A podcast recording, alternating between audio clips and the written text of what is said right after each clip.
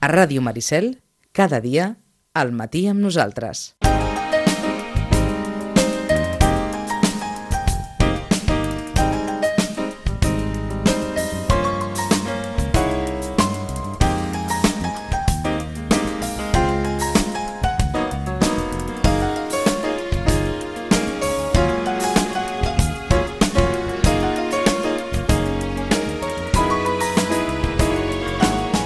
Repàs, per tant, a les activitats de la Biblioteca Josep Roig i Reventós. Marta, bon dia, bona hora. Bon dia. Per on vols començar? Doncs mira, començarem recordant que fa 10 anys, era 24 de novembre del 2006, i es reinaugurava la Biblioteca Roig i Reventós, després de les, de les obres també de tancament, que van tenir la Ahà. biblioteca tancada un any i potser una miqueta més, però bé, posem un any, i tal dia com avui es va tornar a obrir el servei de la Biblioteca a la plaça Catalunya i a mi em fa molta il·lusió perquè jo he estat 9 anys treballant allà des, Allà. De, des de quasi, quasi al principi i bé, doncs mira, volíem destacar. D'acord. Què li hauria de dir la biblioteca que, que faria el servei que està fent ara? Doncs eh? sí, eh? era com la biblioteca filial, la biblioteca Exacte. petita, i ara doncs sort hem tingut... De la biblioteca petita. De la biblioteca petita.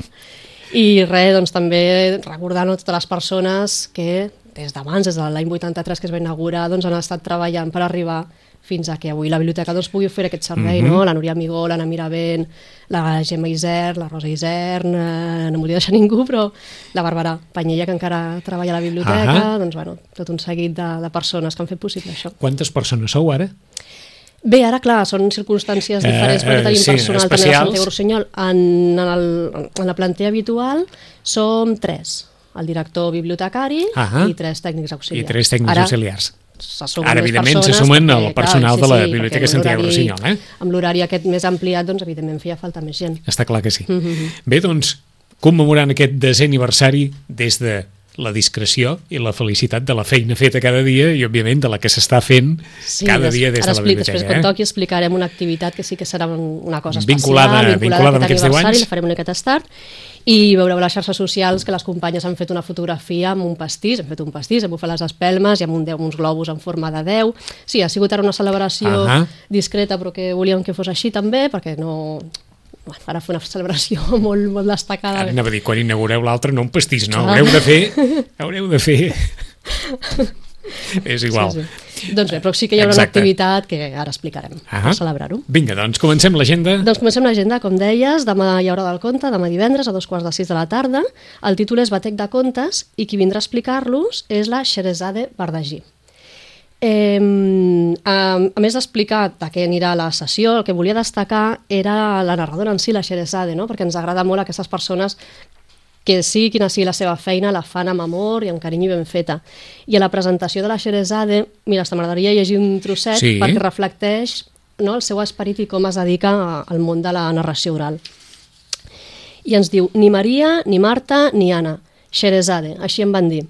Eren els anys 80, quan els meus pares es van embarassar i quan el meu germà llegia les mil i una nits.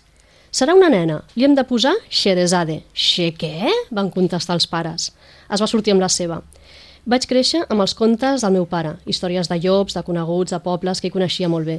I entre paraules sempre hi havia una estona per la música, el teatre o el pressincatge. Fou una beca de la universitat la que em va fer volar fins a Santiago de Compostela. Allà vaig començar a escoltar narradors, professionals, novells, altres que no sabien que ho eren. Els dilluns puntuals ens trobàvem per escoltar-nos. Avui segueixo escoltant i narrant a Catalunya, Galícia, Andorra. La paraula és el meu ofici, qualsevol dia de la setmana. Mm -hmm. I amb aquestes paraules de presentació penso que reflecteix molt bé com pot ser una sessió de contes Ahà. amb ella i el que podrem escoltar, perquè a la fi és aquesta estima des de petita pel món de, dels contes, de les històries i a més amb aquest nom fantàstic. Xerezade, que era la, la narradora de les mil i una Ah, nits. exacte. O sigui que de narradora a narradora de contes. Sí. És el primer cop que ve, em sembla, no? A la biblioteca sí, però en tenim Perquè és fàcil, és fàcil, Sí, és fàcil sí, sí. recordar si ha vingut o no una No. persona que es diu Xerezade. Eh? A la biblioteca no, però sí que té molta experiència narrant, encara que és una persona jove, Ahà. i sí que en altres biblioteques de la zona ha estat i per tant tenim recomanacions i bones referències d'ella. D'acord, doncs demà, l'hora del conte, batec de contes Mhm. amb Xerezade Verdagí. Exacte. I el dissabte, amb aquestes mm, sessions de contes i d'activitats també especials que s'estan fent darrerament a la biblioteca, doncs això, dissabte 26 a les 11 del matí tenim la presentació d'un llibre que veu tenir l'autora aquí mateix a la ràdio, Eh, I el llibre és El Garraf, 12 excursions per a cames petites Ah, i en cotxet, de la Neus Andreo, que és una sitjatana, que ha fet un llibre que recull 12 rutes per... per, per Que això de, de, de sí, molt fàcils per poder anar... amb, tant amb amb nadons, més amb cotxets, petitets. com amb nens doncs, de fins a 6 anys. Són rutes per Olivella, Vegas, Ribes, Sitges i vindrà a fer la presentació d'aquest llibre i abans de la presentació hi haurà una narradora, l'Anna Garcia, que ens explicarà un conte que es diu El núvol gris, gras i gros. Mm -hmm. Primer un- el conte i després la presentació? Sí, exacte. Per tant, serà una activitat familiar, sabent que un dissabte doncs, els pares i mares estan amb els seus fills i sap para fer una activitat, una presentació d'un llibre per adults i pensar a veure on deixo el nen és difícil, doncs poden venir junts. Primer escoltar el conte tots junts i després quedar-se a la presentació perquè al cap i a la fi està dedicat també a, A ells als també, petits, eh? també, oi? De, de fer aquestes excursions i conèixer la natura i l'entorn més proper. L'hora? L'hora a les 11. A les, A les 11 del matí. Uh -huh, sí. Després, el dijous 1 de desembre, a dos quarts de vuit del vespre, tenim també una activitat molt maca i molt especial per commemorar els 25 anys de la mort de la Montserrat Roig, una de les, de les grans escriptores en, de, catalanes. L'espectacle es diu Roig Rogent, perdó, Roig Ruent. Roig Ruent. sí. I és, és un espectacle fet a partir de la vida i dels textos de la Montserrat Roig i com a cosa molt especial és que qui, qui ho narra, qui ho teatralitza, és el seu fill, el Jaume Ullet. D'acord. Per tant, ens explicarà la vida i l'obra de la Montserrat Roig, però des d'aquesta perspectiva com a fill, per tant, vivències molt, molt personals, eh, fora de, de la biografia doncs, potser més coneguda de la Montserrat Roig. No? Amb Una presentació que també es va fer a Barcelona fa uns quants dies. Sí, és un espectacle que, sí? és itinerant, va, Precisament va el dia, el dia en què es complien aquests Mhm, mhm. 25 anys de la mort de Montserrat Roig. Doncs aquest es- mateix espectacle que està anant a diferents Ahà. llocs, doncs el tindrem a la biblioteca.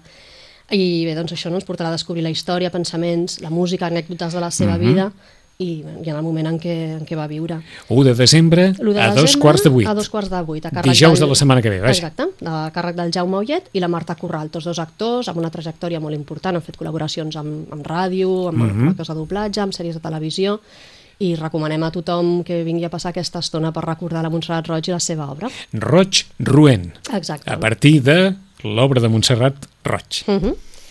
Passem a una altra hora del conte, el divendres 2 de desembre, la setmana vinent, i tenim un, una hora del conte que ens parla sobre les diferències, eh, sobre les dificultats de nens que poden tenir qualsevol tipus de, de discapacitat o no, qualsevol dificultat afegida no, a la vida normal i corrent.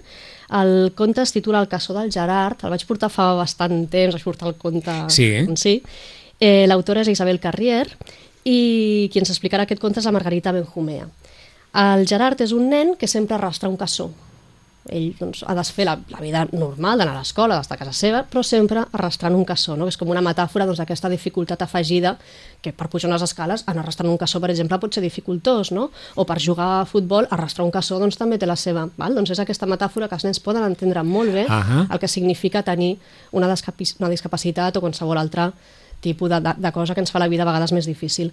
I aquest nen aprendrà que amb una miqueta d'ajut, arrastrar el cassó, doncs també és una cosa que pot entregar a la seva vida i que pot fer com la resta de, de nens i nenes i de companys de, de la seva classe, per exemple. Una història molt única, eh? Sí, amb uns dibuixos, a més el llibre és molt bonic i també el recomanem. Aquesta mateixa autora treballa molt amb aquest tipus de llibre amb temàtica doncs, de, de tocar els sentiments, no? d'explicar coses difícils que a vegades també n'hem parlat aquí, doncs d'una manera que amb uns dibuixos, amb una història, pot ser més fàcil. I té un altre llibre que també està a la biblioteca que es diu Una mica de mal humor i també el recomanem perquè són dos personatges que van amb una barca, per tant estan ells dos sols i han de tirar la barca endavant i això un, els agafa mal humor i s'enfaden no? d'aquests malhumors interns que de vegades ens agafen sense motiu, doncs com gestionar que també tenim dret a estar de mal humor, però com es gestiona amb la relació amb Mhm. l'entorn. Per tant, són contes que amb unes il·lustracions senzilles però molt expressives poden ajudar-nos a entendre aquests sentiments que de vegades són, són difícils per tots. De moment, divendres 2 de desembre, el caçó d'en Gerard, Exacte. a l'hora del conte. Molt bé. I passaríem a aquesta activitat especial que volíem destacar del Exacte. desè aniversari, ja en parlarem, perquè és el, serà el dia 16 de desembre, a Ahà. les mm, 7 de, de la tarda, i per, mm, per, bueno, per celebrar no, aquest desè aniversari, doncs vam pensar en, vam mirar enrere, no? la història de la biblioteca d'aquests darrers 10 anys i quina activitat podria ser especial.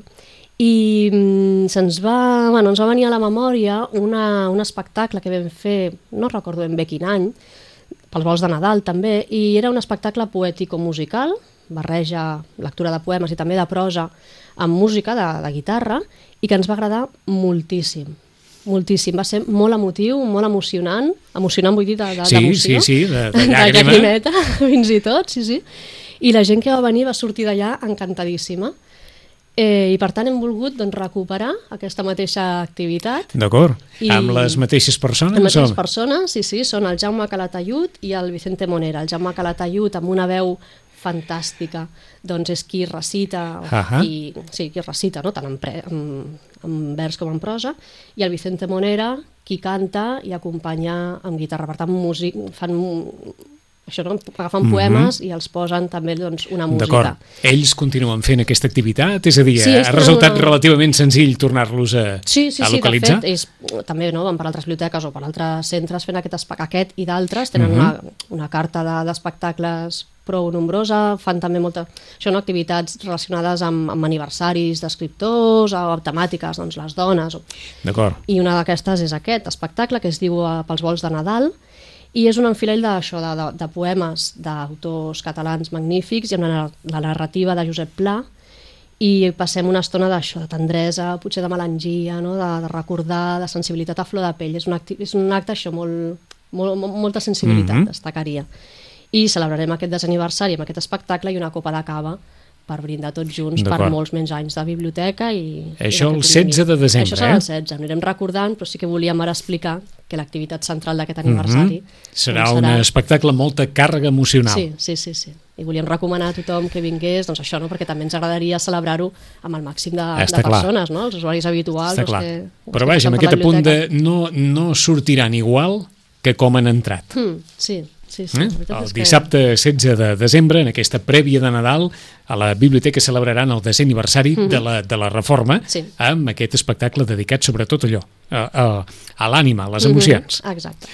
Vinga, més coses. Més coses, com que va ser Santa Cecília, que és la patrona de la música, per tant va ser el dia, no sé si internacional, nacional, dia de la música, diem-li com vulguem. Oh, No ho recordo mai, perquè en- això va sí. venir de, del ministre Jacques Lang, em sembla, de quan no sé, era tot ministre de Cultura es francès. va celebrar el Dia de la Música Ahà. i llavors volíem, volíem recordar que a la biblioteca doncs, tenim una secció de música i també volia explicar quins van ser els orígens d'aquestes seccions de música a les biblioteques i com ha anat De evolucionant. música en i... format físic? Sí, sí, sí, sí, eh? sí, sí, exacte, Jo- que tot això com, com està canviant. Perquè abans perquè, parlàvem dels...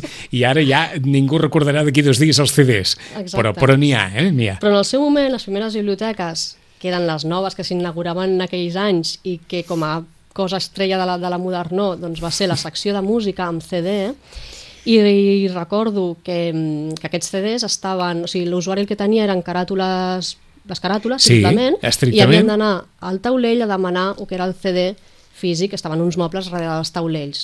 Després tot això, clar, va anar canviant i ja va passar tot a lliure disposició de, dels usuaris i ara doncs agafen el que volen sense haver de passar per aquest intermig del taulell. Està clar. No? Abans els CDs valien diners, Clar, abans tenien aquest valor tenien aquest valor Sí. i s'anava a Sí, demanar. sí. I Exacte, en aquell moment era com una cosa... mm, Vaja, que s'havia s'havia de d'anar amb cuidar, una certa cura, S'havia eh? de cuidar, sí. I això també va, va aconseguir que la biblioteca s'obrís a nous públics, a un nou concepte de biblioteca, això, no? doncs, moderna, de, de, en consonància amb la societat on estàvem. Mhm. Allò, que ja no era... multimèdia, vaja. Sí, exacte, eh? que ens havien de posar al dia i anar juntament amb, amb, amb l'evolució de la societat, que ja no eren prestatges en Ahà. llibres. I què ha anat passant amb això? Ha anat passant, doncs clar, que, que ara el consum de música ha canviat molt i el mercat també, i que ara és molt fàcil trobar música online, on hi ha plataformes on et pots baixar de manera gratuïta o escoltar de manera gratuïta la cançó o els intèrprets que vols, que la descàrrega digital és superfàcil i per tant el préstec de música d'aquests CDs a les biblioteques ha anat a la baixa, Ahà. igual que la venda de, de CDs. Igual que la venda de CDs, està clar. I per tant a les biblioteques ens hem d'adaptar també al consum d'aquest- d'aquesta música digital, igual que en aquell moment ens vam adaptar i vam posar CDs, doncs ara hem de fer altres maneres, però sí que tenim clar que tot i que el, la tecnologia canviarà i el suport en què es sentirem música serà diferent, sí que hem de continuar donant accés a la música i sobretot prima molt el, el paper seleccionador de la música. No?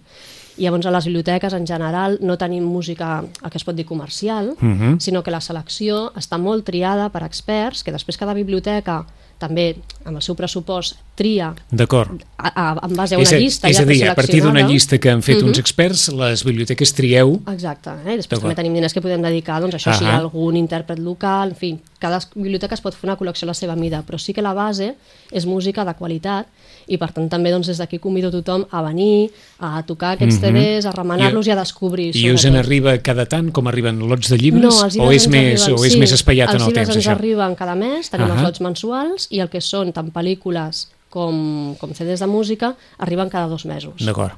Per tant, sí que és una miqueta més espaiat, la col·lecció no creix igual que els llibres, però sí que això, no? que convidem a tothom a venir, a remenar i sobretot a descobrir, a no quedar-nos Mhm. amb el que ja coneixem, sinó a, a descobrir noves músiques pensant això, que la selecció de qualitat està feta. I que al principi hi havia moltes biblioteques que es nodrien de col·leccionables de diaris o de revistes, de recopilatoris, i ara tot això s'està retirant i es busca una col·lecció equilibrada en diferents matèries, tant músiques de món, de, no, de, de totes les cultures, com música clàssica, eh, bandes sonores... D'acord, és a dir, que cada biblioteca tingui un fons comú, per dir-ho d'alguna manera. Sí, no? I equilibrat en totes aquestes, en totes aquestes eh, matèries. que els usuaris de tot arreu tinguin un fons comú de, de música Mhm. i, i a partir d'aquí cada biblioteca pot anar-hi afegint, que us direm, doncs, si aquí va Mhm. sortir el disc dels pastorets, doncs el disc dels Exacte, pastorets, Això podem per exemple. però... mhm.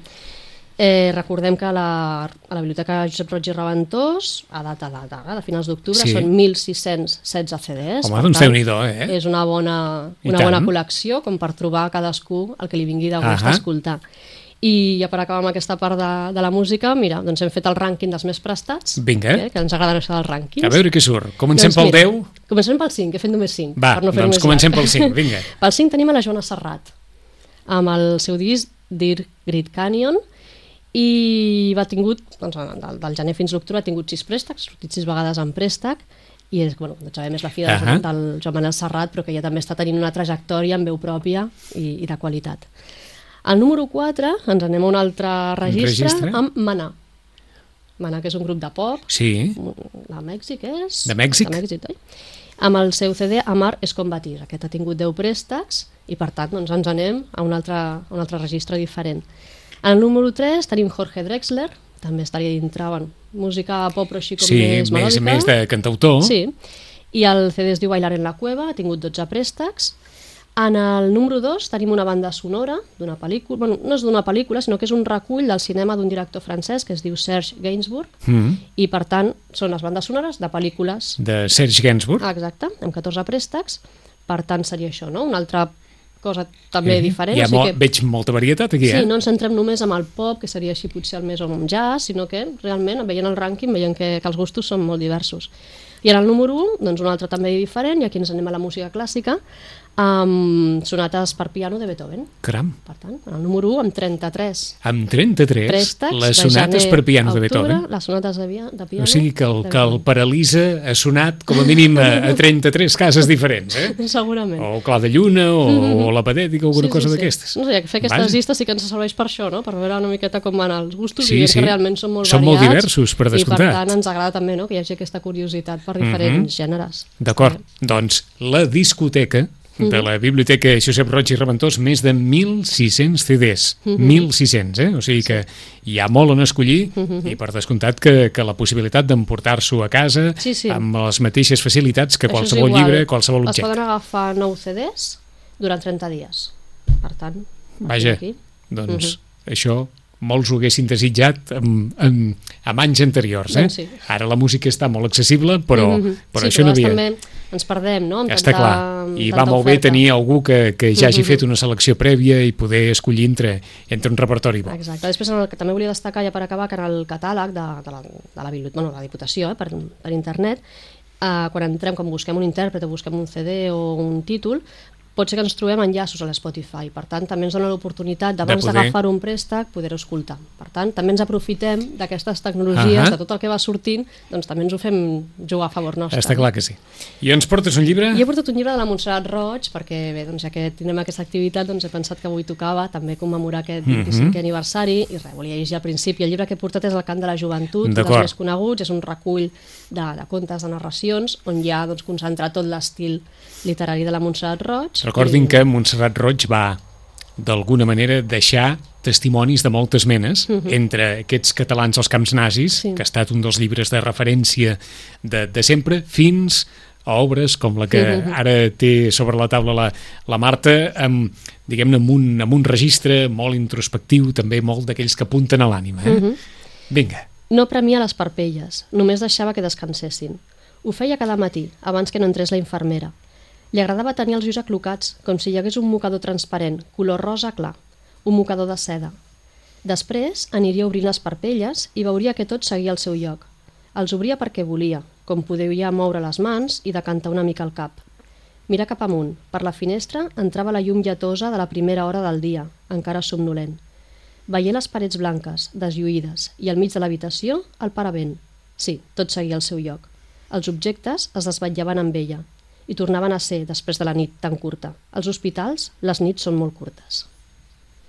És una descripció trobo amb tot de detall mm -hmm. que et fa estar ben bé en Sensacional, l'ambient de, de l'habitació d'un hospital i com et despertes. A l'hospital no? les nits són molt curtes. Són molt curtes. Quantes persones poden estar absolutament d'acord amb, amb aquesta frase? Eh? Sí.